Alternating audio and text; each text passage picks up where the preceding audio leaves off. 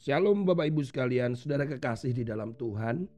Pembacaan firman Tuhan hari ini ada di dalam Amsal pasal 29 ayat yang ke-13. Si miskin dan si penindas bertemu. Dan Tuhan membuat mata kedua orang itu bersinar. Firman Tuhan ini mengajarkan kita dan memberikan arti bahwa di mata Tuhan semua orang itu sama Tuhan tidak membeda-bedakan. Bapak Ibu, kadang kita ini merasa didiskriminasikan. Orang yang dibeda-bedakan dan didiskriminasikan itu tidak nyaman dan tidak enak. Tuhan mengasihi kita tanpa melihat kulit, tanpa melihat latar belakang. Dia mengasihi kita apa adanya. Di dalam agama Hindu ada yang dikenal dengan nama kasta atau penggolongan masyarakat seperti dewa-dewa mereka itu menganggap adanya perbedaan-perbedaan itu. Selama saya belajar nih ya, selama belajar. Dulu itu saya cuma tahunya tuh kasta itu cuma ada empat. Yaitu Brahmana, wah ini yang orang yang suci itu ya, yang para pemimpin-pemimpin agama, kemudian satria, para bangsawan dan prajurit, Waisya itu para pedagang, Sudra itu petani dan buruh. Dan ini nggak bisa sembarangan. Kemudian satria menikah dengan orang Waisya, Waisya dengan Sudra. Itu enggak, mereka harus satu kalangan. Dan terus menerus akan begitu. Tetapi ternyata dari empat kasta itu ditemukan saya dari sebuah ya seorang sosiolog itu ketemu di India ditelusuri ketemu ternyata dalam India kuno itu ada satu kasta lagi dan itu masih beberapanya daerah itu berlaku yaitu adalah Dalit. Nah, Dalit ini atau disebut sebagai uh, kasta paria ini adalah yang paling rendahnya rendah. Kehidupannya itu sangat miskin, kehidupannya itu sangat menderita.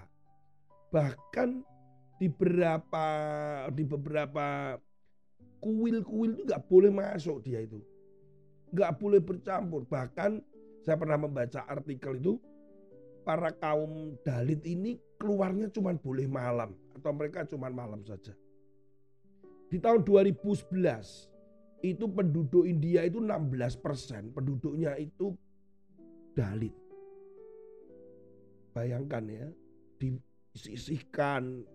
Bahkan kemarin itu waktu ada COVID, eh, pandemi COVID itu, itu yang terjadi adalah ada diperkirakan ada permainan atau agenda negara itu untuk me, apa itu membuat atau membiarkan para kaum Dalit dan Sudra itu supaya banyak yang mati. Karena dianggap tidak membuat India maju. Ya, tapi itu adalah isu, tapi memang kenyataannya yang banyak mati karena COVID itu adalah dua kasta ini. Bapak Ibu sekalian, sudah kekasih dalam Tuhan, kalau Tuhan saja tidak membedakan kita, itu adalah memang Tuhan yang hidup sebagai pencipta. Masa menciptakan membeda-bedakan? Kalau memang kita berbeda itu, karena keunikan itu, itu adalah keindahan dan kreativitasnya dari Tuhan. Tetapi tidak pernah dibeda-bedakan. Bapak Ibu sekalian saudara kekasih di dalam Tuhan, kita mencoba untuk melihat bahwa apa yang Tuhan berlakukan kepada kita seharusnya lah, seyogyanya lah kita ini sebagai ciptaannya. Kan kita ini adalah ciptaannya yang sempurna. Apa yang dilakukan oleh Allah terhadap kita, kita juga harus melakukan itu kepada orang lain.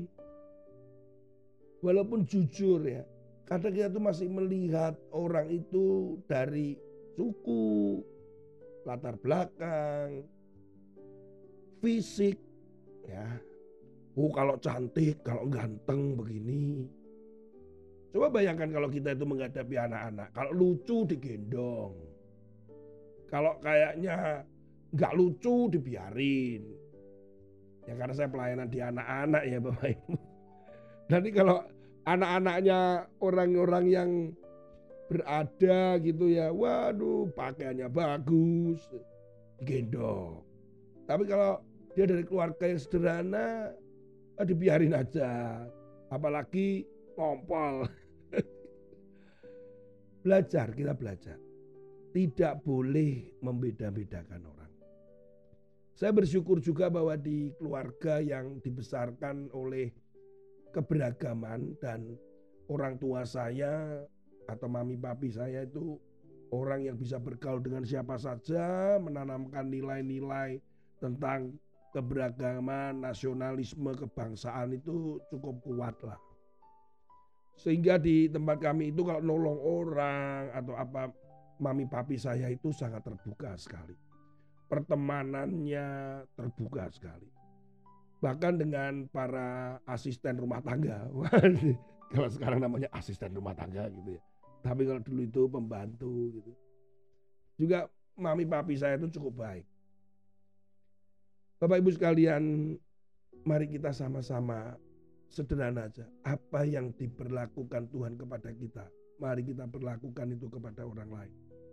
Kalau Tuhan tidak membedakan engkau dan saya, maka kita juga jangan membeda-bedakan orang. Jangan pernah melihat orang itu dari apa yang kita lihat. Tapi bagaimana dan seperti apa Tuhan melihat mereka. Demikian pula kita melihat mereka.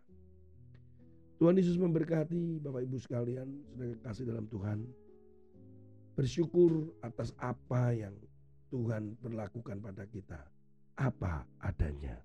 Tuhan Yesus memberkati. Haleluya. Amin.